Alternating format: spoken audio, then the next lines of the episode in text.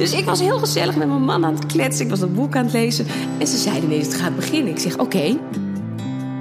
Hoi en welkom bij seizoen 3 van Potnataal. De podcast waarin je vrouwen puur en eerlijk over een van de belangrijkste gebeurtenissen in hun leven hoort vertellen. De bevalling. Laat je inspireren, voel je gesteund en verbonden met al deze dappere vrouwen. Ik hoop dat dat is wat je haalt uit deze podcast. Ik ben Simone Wijnands. Dit is het verhaal van Nikki.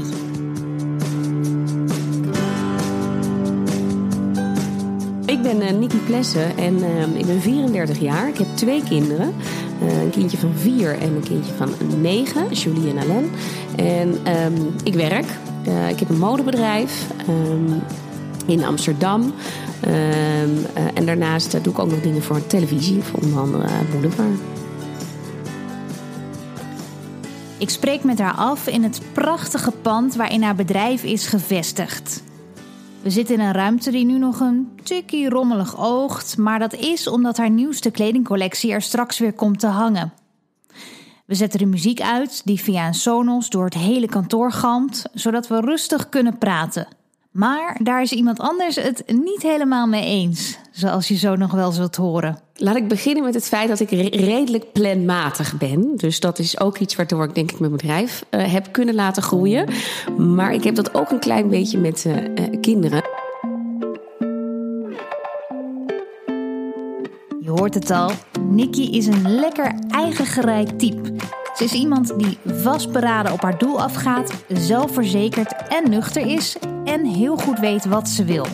Eigenschappen die ik wel kan waarderen in een mens. Iedereen moet bevallen op zijn eigen manier. En ik vind het heel lastig als mensen je een stempel geven van: oh, je bent een goede moeder omdat je het op de natuurlijke manier hebt gedaan. Je bent een slechte moeder als je dat niet hebt gedaan. Of geef je wel borstvoeding, geen borstvoeding. Ik zeg, je moet doen wat bij je past, want dan kan je lichaam eigenlijk gewoon het meeste aan. En mentaal kan je dan ook het meeste aan. En ik denk dat ik eerder gebaat ben bij het uh, uh, ja, wat meer buitenlandse systeem. Dus wat in Amerika gebeurt, dat je gewoon eigenlijk iets meer plant. Dus ook gewoon rustig in je hoofd uh, uh, zoiets gaat doen. En je kan het vergelijken met een tandartsbezoekje, zeg ik dan. Ja, dat plan je ook. En je weet dat je een verdoving krijgt. Je weet dat het pijn gaat doen. Um, maar ja, zo sta ik eigenlijk een beetje in de zwangerschap. Zo heb ik dat dus twee keer gedaan. Je hoort het goed. Nikki is twee keer bevallen. En eigenlijk lijken beide bevallingen erg op elkaar. We praten over haar eerste keer en stiekem ook een klein beetje over de tweede keer. Hoewel veel moeders als ze voor de eerste keer zwanger zijn alles lezen wat ze kunnen vinden over het hele gebeuren, ging dat bij Nikki toch ook net even anders. Ik heb geen zwangerschapscursussen gedaan. Um, ik heb me niet heel erg ingelezen. Tuurlijk ga je, vooral de eerste keer, ga je op die websites allemaal kijken. Hoe groeit je kind? En hoe ziet het eruit? En wat, wat zou je nu moeten voelen? En dat heb ik wel heel erg gedaan. Um, maar, maar, ik ben niet dat ik zei: Oh, ik, ga, ik, ik ben altijd iemand, ik zie het wel. Ik laat het over me heen komen. En de hele wereld, de hele wereld kan het. Dus het moet mij ook echt lukken, linksom of rechtsom. Uh, nou heb ik wel, uh, mijn broertje die uh, is overleden, die, is, die, die was dus zwaar gehandicapt. Um, dus ik had wel een hele, wat, een wat medischer dossier wat betreft controles. Waardoor alles heel gecontroleerd werd. Wat had hij dan? Hij had een omgekeerd chromosoom. Dus hij kon niet meer zelf ademen. Hij kon helemaal niks zelf eigenlijk. Dus dan ga je in een, in een molen mee, dat, uh, omdat het dan in de familie zit, dat, uh, dat er gewoon gekeken. Wacht oh. even hoor, ik ga het vertellen. De muziek gaat aan. Dat is ook Nee, je doet deze aanschiet. Nee, dus, um, dus dan, word je gewoon, uh, dan word je gewoon zwaarder gecontroleerd. Dus dan gaan ze ook kijken of het, uh, of, hè, in hoeverre het al een gezond kind is en uh, et cetera. Dus je zit al in een wat medischere molen. Dus misschien helpt dat ook mee. Um, ja, of juist niet. Voor sommige mensen kan het ook misschien meer angst uh, geven. Dat je meer denkt, oh, er kan van alles gebeuren. En dat je veel meer bewust bent van de, van de gevaren, soort van. Ja, maar zo sta ik dus niet in het leven. En dat is een beetje hoe ik ben ook. Um, ik. Oh, ze willen echt heel graag muziek luisteren. Vanuit een andere ruimte in het pand heeft iemand de muziek weer aangezet. Nicky heeft een oplossing. De stekker eruit.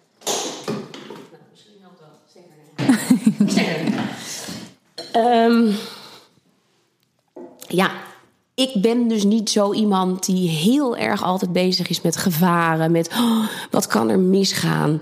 Ehm, ja, zo sta ik gewoon niet echt in het leven. Dus ik heb het al een beetje over me heen laten komen. Ik heb zwaar genoten. Ik vond zwangerschap fantastisch. Ik vond het echt helemaal niet vervelend. Ik was ook niet misselijk. Ehm, oh, daar gaan ze weer. Als ik daar de stekker... ja. Nee, dat ze gewoon boos worden dat die muziek heeft. Ja.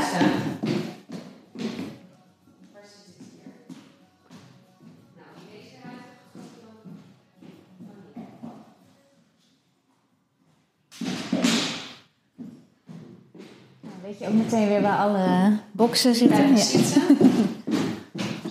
Wat een hak heb je aan, joh. Ja, ik heb zo nog een hele zakelijke afspraak. Anders had ik niet zo uitgezien met de bank. Dus vandaar... Ik ben blij dat je een beetje netjes zit eh, erbij zit, hoor. Anders zit ik altijd op mijn sneakers hier gewoon de staart. Heerlijke vrouw, toch? Ik vind van wel. En ze ziet er dus uit om door een ringetje te halen. Met een chique jurk van haar eigen merk en mooie make-up. Maar naar nu blijkt niet speciaal voor mij dus. Goed, genoeg afleiding nu. De muziek staat echt uit. We gaan terug in de tijd naar Nicky's eerste bevalling. Ik denk altijd, ik laat mensen altijd in hun kracht. Als dat iets is wat zij kunnen, dan denk ik, ja, jullie kunnen dit. Jij hebt ervoor gestudeerd, ik niet. Dus ik luister naar jullie en dan zal het wel goed komen. Maar je had ook al duidelijk in je hoofd van, ik wil naar het ziekenhuis. Kon ja, niet, ja, niet nee, ik wilde bevallen. niet thuis bevallen. Um, nee, en daar heb ik me ook nooit dat hè, mensen kunnen je wel eens gaan overhalen. Te zeggen, oh, zo mooi. Ik heb echt zat vriendinnen die in een bad willen bevallen. Of die... Uh, alle, vriendinnen heb ik. Nou, ik wilde dit. Maar niemand weet, gaat mij ook overhalen. Leden ze ook, als ik gewoon zeg ik ga dit doen, dan ga ik het ook gewoon op deze manier doen. Um, dus ik wilde in het ziekenhuis bevallen. En uh, nou ja, daarheen gereden. En toen heb ik dus een, een ruggenprik gekregen. Uh, op een moment nog dat je eigenlijk echt heel makkelijk die weeën kan hebben. Want je ging naar het ziekenhuis. Uh, Om te strip heb ik twee keer hetzelfde. Ik heb okay, twee keer het Want toen had je ook nog helemaal, helemaal niks nee. verder. Nee. Maar je mocht, mocht je dan gewoon naar het ziekenhuis gaan ja. en zeggen: ik, ik wil dit? Nou, dat is wel afgesproken. Dus dat is wel. Uh, hè, we hadden op een gegeven moment gezegd: kom op zondag. En dan gaan ze gewoon kijken. En als die, die, die, die baarmoeder, als dat zacht een week is, dan kunnen ze hem gaan strippen. En dan zeggen ze. Um, um, nou, dan mag het geboren worden. Want vaak willen ze toch een beetje op hun beloop laten en vanzelf Ja, en dat is beginnen. iets waar ik me wel in Nederland best wel aan stoor. Want het is niet uh, goed, of per definitie goed, ook misschien in sommige gevallen niet slecht. Maar als het kindje een gezonde uh, gewicht heeft uh, bereikt um, en een bepaalde lengte, dan kan het er gewoon uit. Waarom moet je dan nog twee weken, drie weken doorlopen? En sommige mensen zo ver dat het op een gegeven moment ook mentaal wordt het gewoon heel pittig. En het moet er ook allemaal uit. En die baby die groeit. Dus ook, en ik vind dan, ja, als het, als het kan en het mag en het is goed, is het voor jezelf, um, denk ik, veel fijner als het eruit kan. Want zat je dan op dat moment op een punt ook in je zwangerschap dat je dacht, nou, ik ben er wel klaar mee, laat maar komen? Of ja. was het meer van, nou ja, dan, dan heb ik het gepland? Ik denk beide, maar ik ben niet iemand. Laat maar, ik, ik, heb niet een, ik was niet heel uh, groot. Of ik had niet uh, dat ik dacht dat ik heel vermoeid was. Ik was eigenlijk heel fit, want ik ben altijd blijven sporten daarnaast. Dus niet obsessief, maar bij ze wandelen. En, en gewoon echt wel gezond geleefd. Dus ik had heel veel energie. Um, maar ja, je bent op een gegeven moment wel dat je denkt: ik wil dat kindje zien. Ik wil mijn dochter zien. Want dat wil ik eigenlijk meer. Het was niet zozeer, ik ben er klaar mee. Maar ik wil het zien. En ik denk dat heel veel vrouwen dat hebben. Dus. Um, ik vind dat er gewoon goed gekeken moet worden. Daar ben ik voorstander van. Is het gezond? Kan het naar buiten? Is het het gewicht, het streefgewicht wat we moeten hebben? Laten we het alsjeblieft halen. Ja, en je had waarschijnlijk dan een verlo verloskundige uh, die of gynaecoloog die daar voorstander ja, van was. Ja, Dus, en wat gebeurt er dan? En dat is eigenlijk. Maar ik zeg ook, daarom ben ik heel altijd. Vind ik het ook wel eens goed om zo'n verhaal te stellen. Heel veel mensen willen. Hè, ik heb ook vriendinnen die willen alles natuurlijk en die willen alles een keer meemaken. En dat snap ik ook heel goed. Alleen ik weet dat ik beter gebaat ben met het feit als ik gewoon weet wat er gaat gebeuren. Um, dus ik ging met mijn koffer zonder haast, zonder pijn.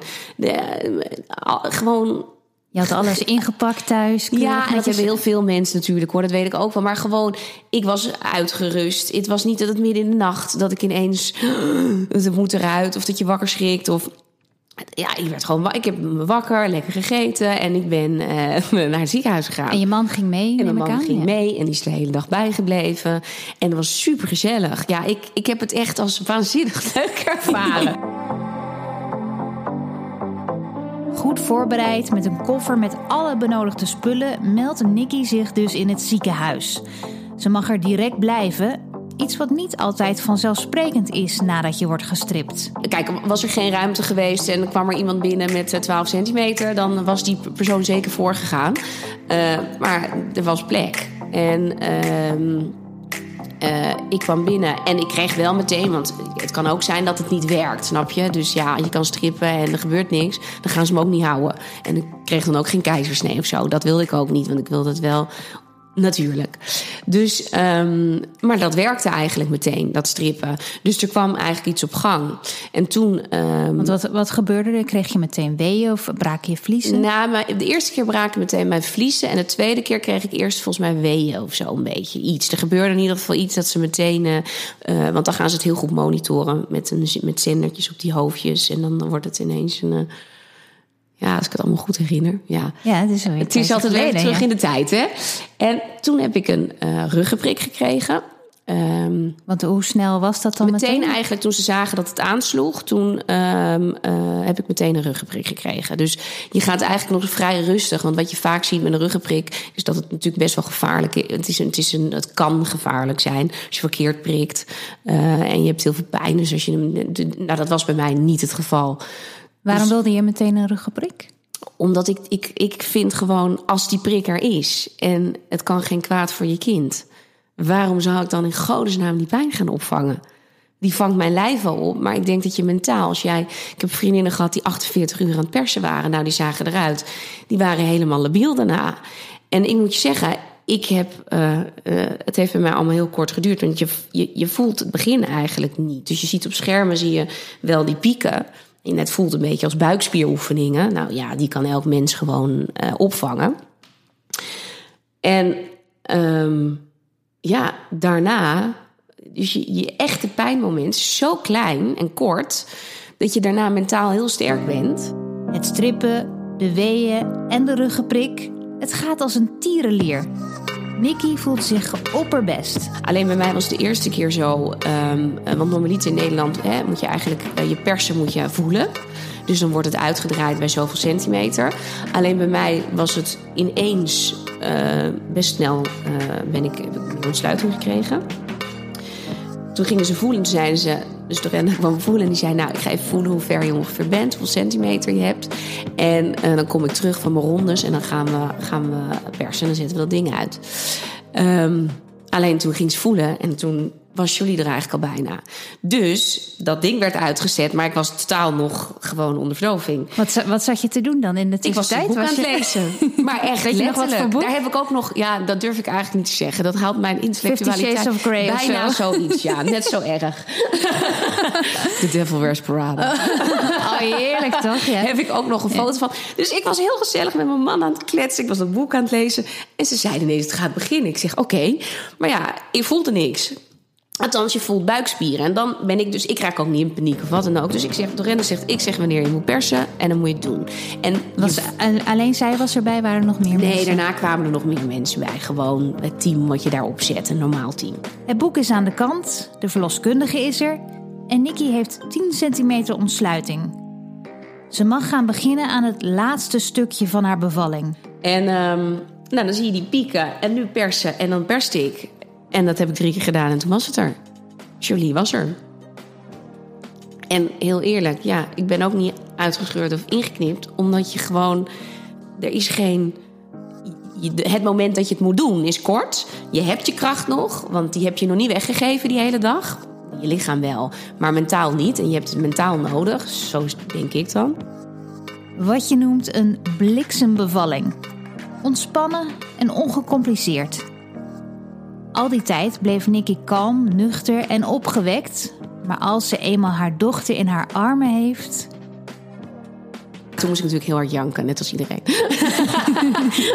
nee, het vond ik het mooiste wat er was. Echt zo mooi. Ik weet het ook nog. Ik heb er wel duizenden foto's van. Dat, eh, ja, gewoon prachtig. Dat wordt een kindje wordt dan lekker. Hè, Julie werd om me gelegd. En zo'n heel klein mum, gewoon zo'n echt zo'n klein caviaatje... wat dan gewoon begint te huilen. En nou, alles was meteen eigenlijk gewoon goed. Was je niet eh, juist, ik kan me zo voorstellen dat je nog zo in een misschien bijna een andere mindset was, dat het daardoor eh, misschien veel surrealistischer nog was dat ze er opeens was.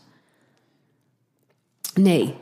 Nee, ik denk dat je dat meer hebt als je een keizersnee krijgt. Dan ben je oud en dan krijg je ineens een kindje in naast je liggen. En ik ben, je bent wel de hele tijd bij. Hè? Dus je bent gewoon, je weet echt honderd wat je aan het doen bent. Dus je denkt, oké, ik moet er nu ook uit. En ik wil niet per se, die, want ik, als ik die schaar zie, dan krijg ik echt een rolberoerte. Daar kan ik dus niet tegen. Dus dat wil ik allemaal niet. Dus ik ben dan gewoon gefocust, ja, en dan komt ze eruit. En ehm, ja, dan ben je gewoon, ja, dan ben je gewoon helemaal verliefd en met je man. En eh, dan zit je gewoon eh, op een wolk waar je meteen eigenlijk ook op zit. En dan komen je ouders, want die waren natuurlijk ook in de buurt. Die hadden we al gebeld. Ze waren ook relaxed. Dus, eh, en die hadden meteen voor mij. Want ik zei: het ergste wat ik heb gemist is een rozeetje. En, want ik dronk echt niks natuurlijk. En filet américain. Dus dat hebben ze meteen gebracht. Dus oh, had je kwam- daar zin in ook echt? Oh, is zoveel zin. Ja? Dus dat was echt, ja, dus dat hadden we toen met z'n allen in die kamer gegeten. En toen moest ik plassen, want als je mag plassen, dan mag je naar huis. Nou, dus ik denk, oké, ik moet zo snel mogelijk plassen. En ik wilde dat voor 11 uur, want na 11 uur moet je dan blijven. En ik wilde gewoon naar huis. En hoe lang was je al die tijd in het ziekenhuis, denk je? Nou, ik denk dat ik om 11 uur s ochtends gekomen ben. Ik ben om 11 uur s'avonds naar huis gegaan. Gewoon een goede, een goede werkdag, zeg maar. Goede Ja. Ja, ik ben soms wat raar voor mensen. misschien. Maar, weet ik zelf ook. Maar ja, ja. Dus, en, en toen zijn we lekker naar huis. En toen, zei, toen heb ik dus, toen dacht ik, ja, dan moest ik- want je voelt je echt lamlendig. En dat wel. Ik bedoel, je staat erbij als, een- als een hertje op twee benen. Dat je denkt, oh god, vrouw.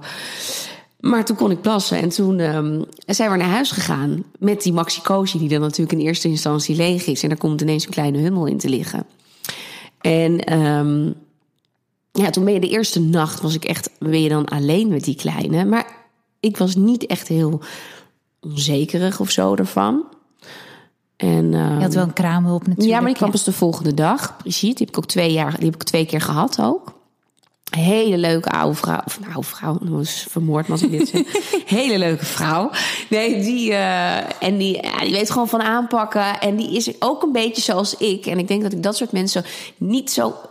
Niet tuttenbellen. Die benen kunnen linksom, die kunnen naar boven, naar beneden. Het is allemaal niet zo betuttelig of zo. Daar krijg ik altijd, dat kan ik niet zo goed tegen. Dus... ehm, ja, dat, dat ging eigenlijk gewoon heel snel. En zij was wel heel streng voor mij. Want ik ben dan wel iemand die dan eigenlijk meteen altijd wel weer aan de slag wil. En dan moest ik ook rusten. En zij schopte echt gewoon het bezoek de deur en letterlijk uit. Ze gaat gewoon stofzuigen in je slaapkamer. Als, ze gewoon, als, als iemand de hint van haar niet begrepen had. En me- merkte je dat je dat toen op een gegeven moment ook nodig had? Heb je nog een moment gehad dat je dacht: oké, nu ben ik mezelf misschien wel voorbij gelopen? Nee. En ik weet, maar ik, dat is dus. Dat, nee, ja, dat heb ik dus niet. En ik zou soms echt. Want Het hoeft ook niet, hoor. Ik weet het, maar ik zeg soms echt. Zie ik mensen, ja. Maar ik zeg nee. En, en daardoor denk ik misschien ook. Ja, dat als je gewoon. Ik denk dat je mentaal heel lekker in je vel moet zitten.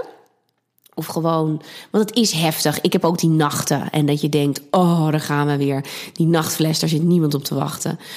Maar ja, als je zelf relaxed bent, voelt je kind toch ook wel dat je relaxed bent. En als je een hele relaxte kraamhulp help, hebt, dan um, je kind voelt dat gewoon. En ik geloof daar heel erg in. Ja. En als iemand helemaal met druk gaat doen en een, er zijn voor mij gewoon een paar dingen waar ik echt angstig voor was. Dat is dat wiegedood. Dat, dat word ik echt angstig van. Dus wij hebben best lang dat ze echt ingezwacht, dat ze helemaal zo ingepakt liggen. En daarna altijd tot, denk ik, tot jaar drie hebben ze een slaapzak aangehad bij mij. Um, en zwemmen, dat zijn de dingen waar ik panisch van word. En voor ja. de rest denk ik, weet je, dat komt wel goed. Ja. Als ze Ja. een keer vallen, ja, ze vallen. Ja. Ze komen terug met schaafwonden. Um, maar ja, dus ik ben, mm, ja, ik heb niet echt een, uh, Nee. Nee, fijn. Ja, Ja. fijn. Ja. Ik heb echt genoten. Dus Ja. eh, heel veel mensen zeggen: Oh, ik vond de zwangerschap verschrikkelijk. Ik was moe, dit, zus, dat. En ik vond het daarna heftig. Nee, ik heb echt letterlijk, kan ik ook zo zeggen, echt genoten van die hele tijd. Je kan er nog wat tien. eh, Nou, ik doe het nooit meer. nee, ik zou er niet. Maar ja, als je zou zeggen. Ja, ik zou, eh, ja, ik zou er nog best wel wat kunnen krijgen, nemen, als dat je gegund is. Maar dat is niet wat ik wil. Want daar ben ik dan ook heel duidelijk in voor mezelf. Ik heb een gezond jongetje en een gezond meisje. Ehm, en dat komt dan wel uit je verleden. Het kan ook zomaar anders zijn. En eh, dat wil ik niet. Dus eh, ik denk, nou ja, dit is het. En daar moet ik heel dankbaar voor zijn. Ik heb wel bewondering voor het zelfvertrouwen dat Nikki heeft in haar eigen lijf en in het opvoeden van haar kinderen. En natuurlijk de tomeloze energie waarmee ze door het leven gaat. Toch is het ook niet zo dat ze er bij haar tweede bevalling van uitging dat die net zo ongecompliceerd zou verlopen als de eerste keer. Maar daarom denk ik, ja, je kan wel honderd dingen gaan lezen. Maar die weten ook niet wat er gaat gebeuren. Nee. Ik heb vriendinnen gehad waarbij het twee maanden te vroeg kwam. Ik heb vriendinnen gehad waarbij eh, het eh, eh, drie weken te laat kwam. Ik heb vriendinnen gehad die in een bad lagen en dachten: waarom in hemelsnaam lig ik in dit bad? Ik heb vriendinnen gehad die in de auto bevallen. Dus je weet het niet, weet je? Nee. En dan denk ik, ja, of dat het hoofdje verkeerd lag en dat er ineens een keizersnee moest komen. Dus ik denk, je kan dan wel alles gaan lezen. Dat je vader Jacob moet gaan puffen. Ja, Wat heb je eraan? ik Ja. puf daar wel op het Ja. moment dat ik denk dat ik moet puffen. En dan gaat er vast iemand tegen mij zeggen en nu puffen. En als je gewoon je verstand erbij houdt, gaat je dat gewoon lukken. Ja. En ik heb toen ooit dat programma gedaan eh, wat op BNN was met die eh, tienermoeders. Oh ja, ja. En dat zijn dan hele jonge meiden. Maar ook die, je wordt gewoon bij de les gehouden. Het lukt je echt wel. Het lukt, het lukt iedereen. Dus mij ook. One En dan denk ik, ja, ja. En dan vind ik ook, ja, dan, dan dat een man meegaat op puffcursus echt super tof van zo'n man dat hij meegaat. maar sommigen die eh, worden al helemaal, die krijgen al wegtrekkers als ze ons zien liggen daar eh, met die benen wijd. Dus ik denk, ja, weet je, je weet Hoe, niet hoe was dat dan voor jouw man? Hoe, Nou, hoe, eigenlijk hoe ging hij daarin? Nee, die is heel goed. Maar ik zeg, je hoeft niet per se daaronder mee te kijken van mij. Maar dat doet hij uiteindelijk toch, want dan wilde hij zien of je dat haar zag. Weet je wel, oh ja, oh, er komt nu heel veel haar uit. Nou ja, eh. maar, dus, maar die, die was heel relaxed. Maar het kan zomaar zijn dat je denkt dat je heel relaxed bent. Maar gewoon, eh, ik bedoel, eh, eh, daar, ik heb dat pakket wat je thuis krijgt in eerste instantie. Met die luiers Ja, ja, en ja, zo. een dat denkt, ja. nou, dat is niet voor mij. Van die matrassen en zo, ja. Nou, die heeft echt iedereen wel nodig. Ja. Dat, dat dacht ik wel van, oh ja, je komt wel een beetje dat je denkt, de strijd is wel heftig daaronder. Dus ik snap dat een man wel kan denken, wow, dan moet ik eventjes, moet ik even niet zien. Maar, en dan kan je dus mee met een puffcursus. Maar je weet ook niet hoe je als vrouw gaat reageren. Want de een denkt, gozer, laat me met rust. En ga uit mijn buurt. Ik doe dit even op mijn eigen houtje. Ja, dan kan je geleerd hebben dat je man een handje moet vasthouden. Maar daar heb je niet zoveel aan. Nee, nee. Dus ik ben meer zo iemand dat ik denk, we zien wel eh Ja. het schip strandt.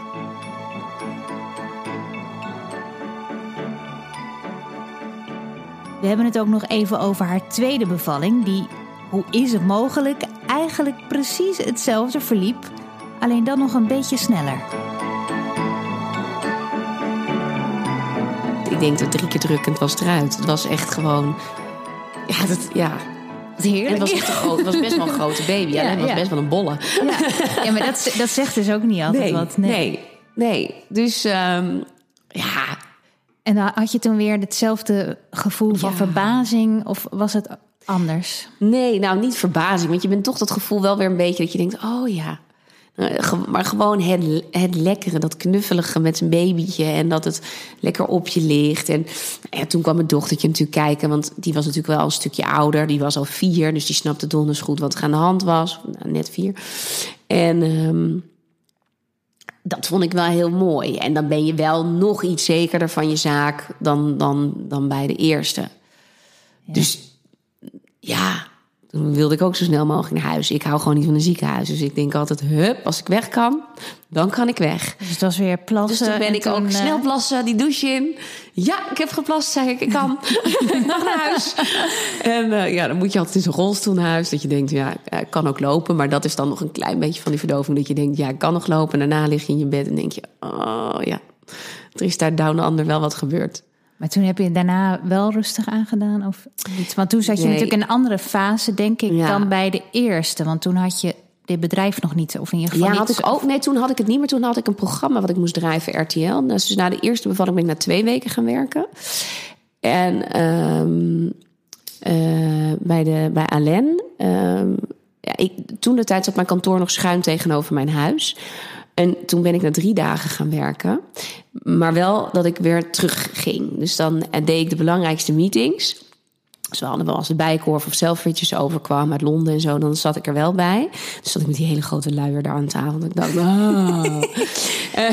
Eh, maar ja, ja. En dan deed ik dat. En dan belde Dorenda mij altijd weer. Nick, je moet... Of eh, Brigitte, sorry, Dorenda. eh, Brigitte is Kramer. Nick, je moet nu terugkomen. En dan kwam ik. En dan kwam ik. En dan werd Alain net wakker. En dan deed ik weer met Alain... eh, lag ik lekker in bed. Dan zit je echt in twee werelden wel. Had je niet, Ja. vo- voelde dat niet een beetje zo verknipt? Dat je een beetje, tenminste niet, niet verknipt als in, maar dat je een soort van. Nee, nee, maar Nee, meer dat je, dat je twee personen bent of zo tegelijkertijd op dat moment. Nee, ja, ik ben gewoon. Nee, want ik gedij wel heel goed met. Kijk, ja, ik heb een eigen kantoor en ik heb een verantwoordelijkheid naar. eh, kijk, en alle meiden die hier zwanger worden, die gaan natuurlijk gewoon heerlijk met zwangerschapsverlof. Maar ja, eh, het moet wel doorgaan. En dat gaat het ook prima een week zonder mij. Maar er zijn sommige meetings waar ik vind dat ik gewoon bij moet zijn. Ehm, het is niet een kindje zoals mijn eigen kinderen, maar het is wel iets waar ik gewoon keihard voor gewerkt heb. En, en wat ook gewoon, en als ik denk, ja, Alain slaapt nu, ik kan nu een Netflix-serie gaan kijken, of ik voel me goed genoeg om toch even die straat over te steken en me die meeting aan te schuiven, dan doe ik dat. Dus het is onderdeel van mijn leven eigenlijk gewoon. En dat zijn mijn kinderen ook aan mij gewoon gewend. Ehm, ik ben gewoon altijd bezig. Ik kan gewoon niet stilzitten. Dus misschien Die ik ook een lichte eh, vorm van door- ADHD ergens. Ik zei het al, Nikki is gewoon een vrouw vol tomeloze energie. En zelfs een bevalling kan haar niet in bed houden. Ik herken dat niet van mijn eigen bevalling, maar het lijkt me fantastisch als je het hebt. We dwalen ook nog eventjes af naar een ander onderwerp: borstvoeding. Nikki breekt graag een lans voor de fles. Want dat is ook nog een dingetje. Ja, en anders denken die, moeders denken echt, wat, wat- wat is het voor een vrouw misschien? Maar borstvoeding, dat wordt ook wel heel vaak dat mensen dat zeggen van ik, hè, je moet borstvoeding of niet. Maar je kan ook denken, je kan ook heel veel rust krijgen van flesvoeding. Ehm, want hè, het wil niet altijd werken met als de melk eruit komt. En dan denk je, heeft mijn kindje genoeg gedronken? Want je kan niet door die tiet heen kijken. Dus je weet het niet. En je weet wel dat als het huilt op de tijden dat jij gewoon dat strikt. Want ik schreef dat allemaal. Ik schrijf dat dan, hè, dat moet je natuurlijk allemaal ophouden, opschrijven. Maar dat, dat heb ik heel lang, hou ik dat dan ook vol. Dat er gewoon echt een ritme ook in een kind komt. En dat komt met, in ieder geval met eh, jouw flesvoeding. Of je het nou eh eruit pompt en in een flesje doet. Maar je weet wat een kind krijgt. En als het dan huilt en het heeft gegeten, dan weet je dat het niet huilt om eten. Want soms zie je die paniek ook bij ouders. Dat je denkt, oh, heeft het genoeg? Wat is aan weer die tiet erin, weer die tiet erin. Dat kan je ook als moeder mentaal echt kapot maken. Dat je in je bed ligt en dan maar weer uit ellende die tieten weer in doet. Dat je het gewoon niet weet. En nu was het voor mij gewoon heel erg, want ik heb dus eh, flesvoeding gegeven. Ehm, dat je gewoon ziet dat, ehm, ehm, eh, d- dat ze voldoende hebben gegeten.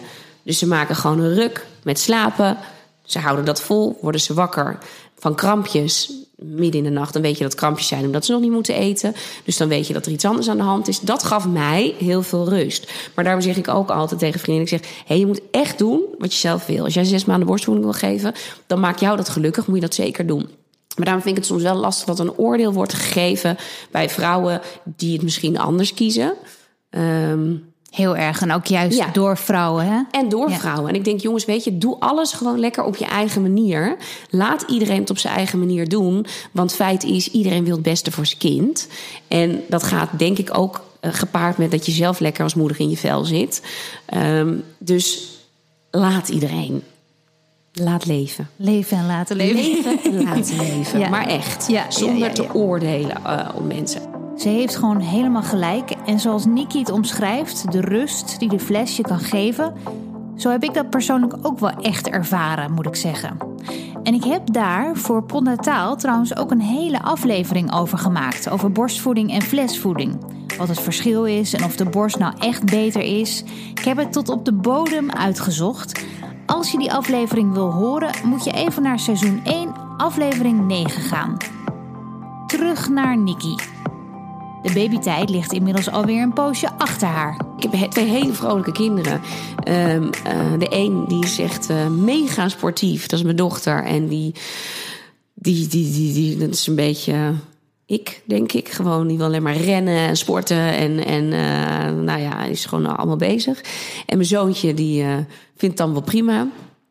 Die schopt niet tegen de bal, maar die rent over de bal heen, denk ik. maar ze zijn gewoon heel erg, ja, hele, hele happy kinderen. Um, met twee werkende ouders. En, um, maar zij zien ons wel altijd. Dus ik heb kinderen die ik altijd meeneem. Ik denk dat dat ook wel soms denken ouders dan van ah, uit eten. Nee, ik heb mijn kinderen altijd meegenomen naar elk restaurant. Of het nou een chic restaurant was, of een pizzatent, of de patatzaak. Um, maar ze kunnen zich altijd vermaken. En niet altijd met een iPhone, maar gewoon ook gewoon door aan tafel te zitten. En ik denk dat dat, dat vond ik ook heel belangrijk. Waardoor je als ouders ook gewoon wel even lekker die deur uit bent soms. En niet helemaal spastisch met die kinderen. In je kokon uh, zit. Ja, want heel vaak denk ik, het is best wel de eerste keer dat je denkt: oh god, moeten we die kinderen ook meenemen? Gaat dat goed? Gaan ze die hele tent bij elkaar krijgen? Vliegt de lepel door de lucht heen? Um, ik denk als je ze meteen meeneemt, dan wennen ze aan die geluiden. En dan wennen ze aan uh, dat ze gewoon mee zijn met, je, met, met een feestje of met een dingetje. Ja, dat, dat hebben wij altijd gedaan. Maar dat hebben mijn ouders ook met mij gedaan. Die gooiden me onder de tafel en dan viel ik in slaap bij een feestje. En dan uh, nou, prima. Dat is ook prima, ja. ja. En nu zijn ze al zo groot al bijna weer dat ze niet meer mee willen waarschijnlijk. En nu willen ze zeker niet meer mee. Vooral die oudste die denkt doei. Nee, dus die wil alleen maar naar restaurantjes waar dan uh, de vriendinnen ook allemaal zitten en in de buurt wonen. En dat ze kan aanbellen en dat ze zegt, uh, mam ik ben uh, pleitos. Die mag nu ook voor het eerst echt, want het is in Amsterdam natuurlijk best een dingetje. Ik ben opgegroeid in een dorp. Nou ja, daar kon ik al toen ik vier was op mijn fietsje gewoon overal heen. Dat kan hier niet. Dus je moet heel veel plannen. Maar die mag nu voor het eerst zelf naar de manege in het park. Dat is bij ons in de buurt. En die mag dan zelf boodschapjes doen met Albert Heijn. En weet je, dat zijn echt wel de weg oversteken met stoplicht. En dat zijn wel, ja, dat zijn wel dingetjes. Ja, ja spannender dan ja. je bevalling, denk ik. Vind ik eigenlijk wel. Ja. Nee, ik vond mijn bevalling gewoon echt heel leuk. Dus ik denk dat het soms ook wel goed is om te horen dat sommige mensen het ook echt heel leuk vonden. En dan zeggen ze, nou, en dan vond je toch ook wel iets niet leuk. Ja, je bent, wat ik niet leuk vond, is dat je moe bent. En dat je, ja, dat, dat, dat je echt veel bloedt. En dat het. Dat. En heb, heb je nou even overal het gevoel dat je, uh, doordat jij zelf zo duidelijk wist wat je wilde en dat je het daarover na hebt gedacht en het hebt gepland, dat dat ervoor heeft gezorgd dat het zo is gelopen? Of is het ook gewoon geluk? Ik denk beide, maar ik denk wel dat je gewoon je eigen gevoel moet volgen. En want ook bij mij in het ziekenhuis werd gezegd: ja, maar ik zeg nee, ik wil het gewoon zo. Het is mijn lichaam, het is mijn kind. En als je dat durft te zeggen, dan, en ik had ook met mijn man afgesproken, die verhalen van: oh, laten we eerst een pompje proberen of zo'n zo, zo ding waar je in kan knijpen.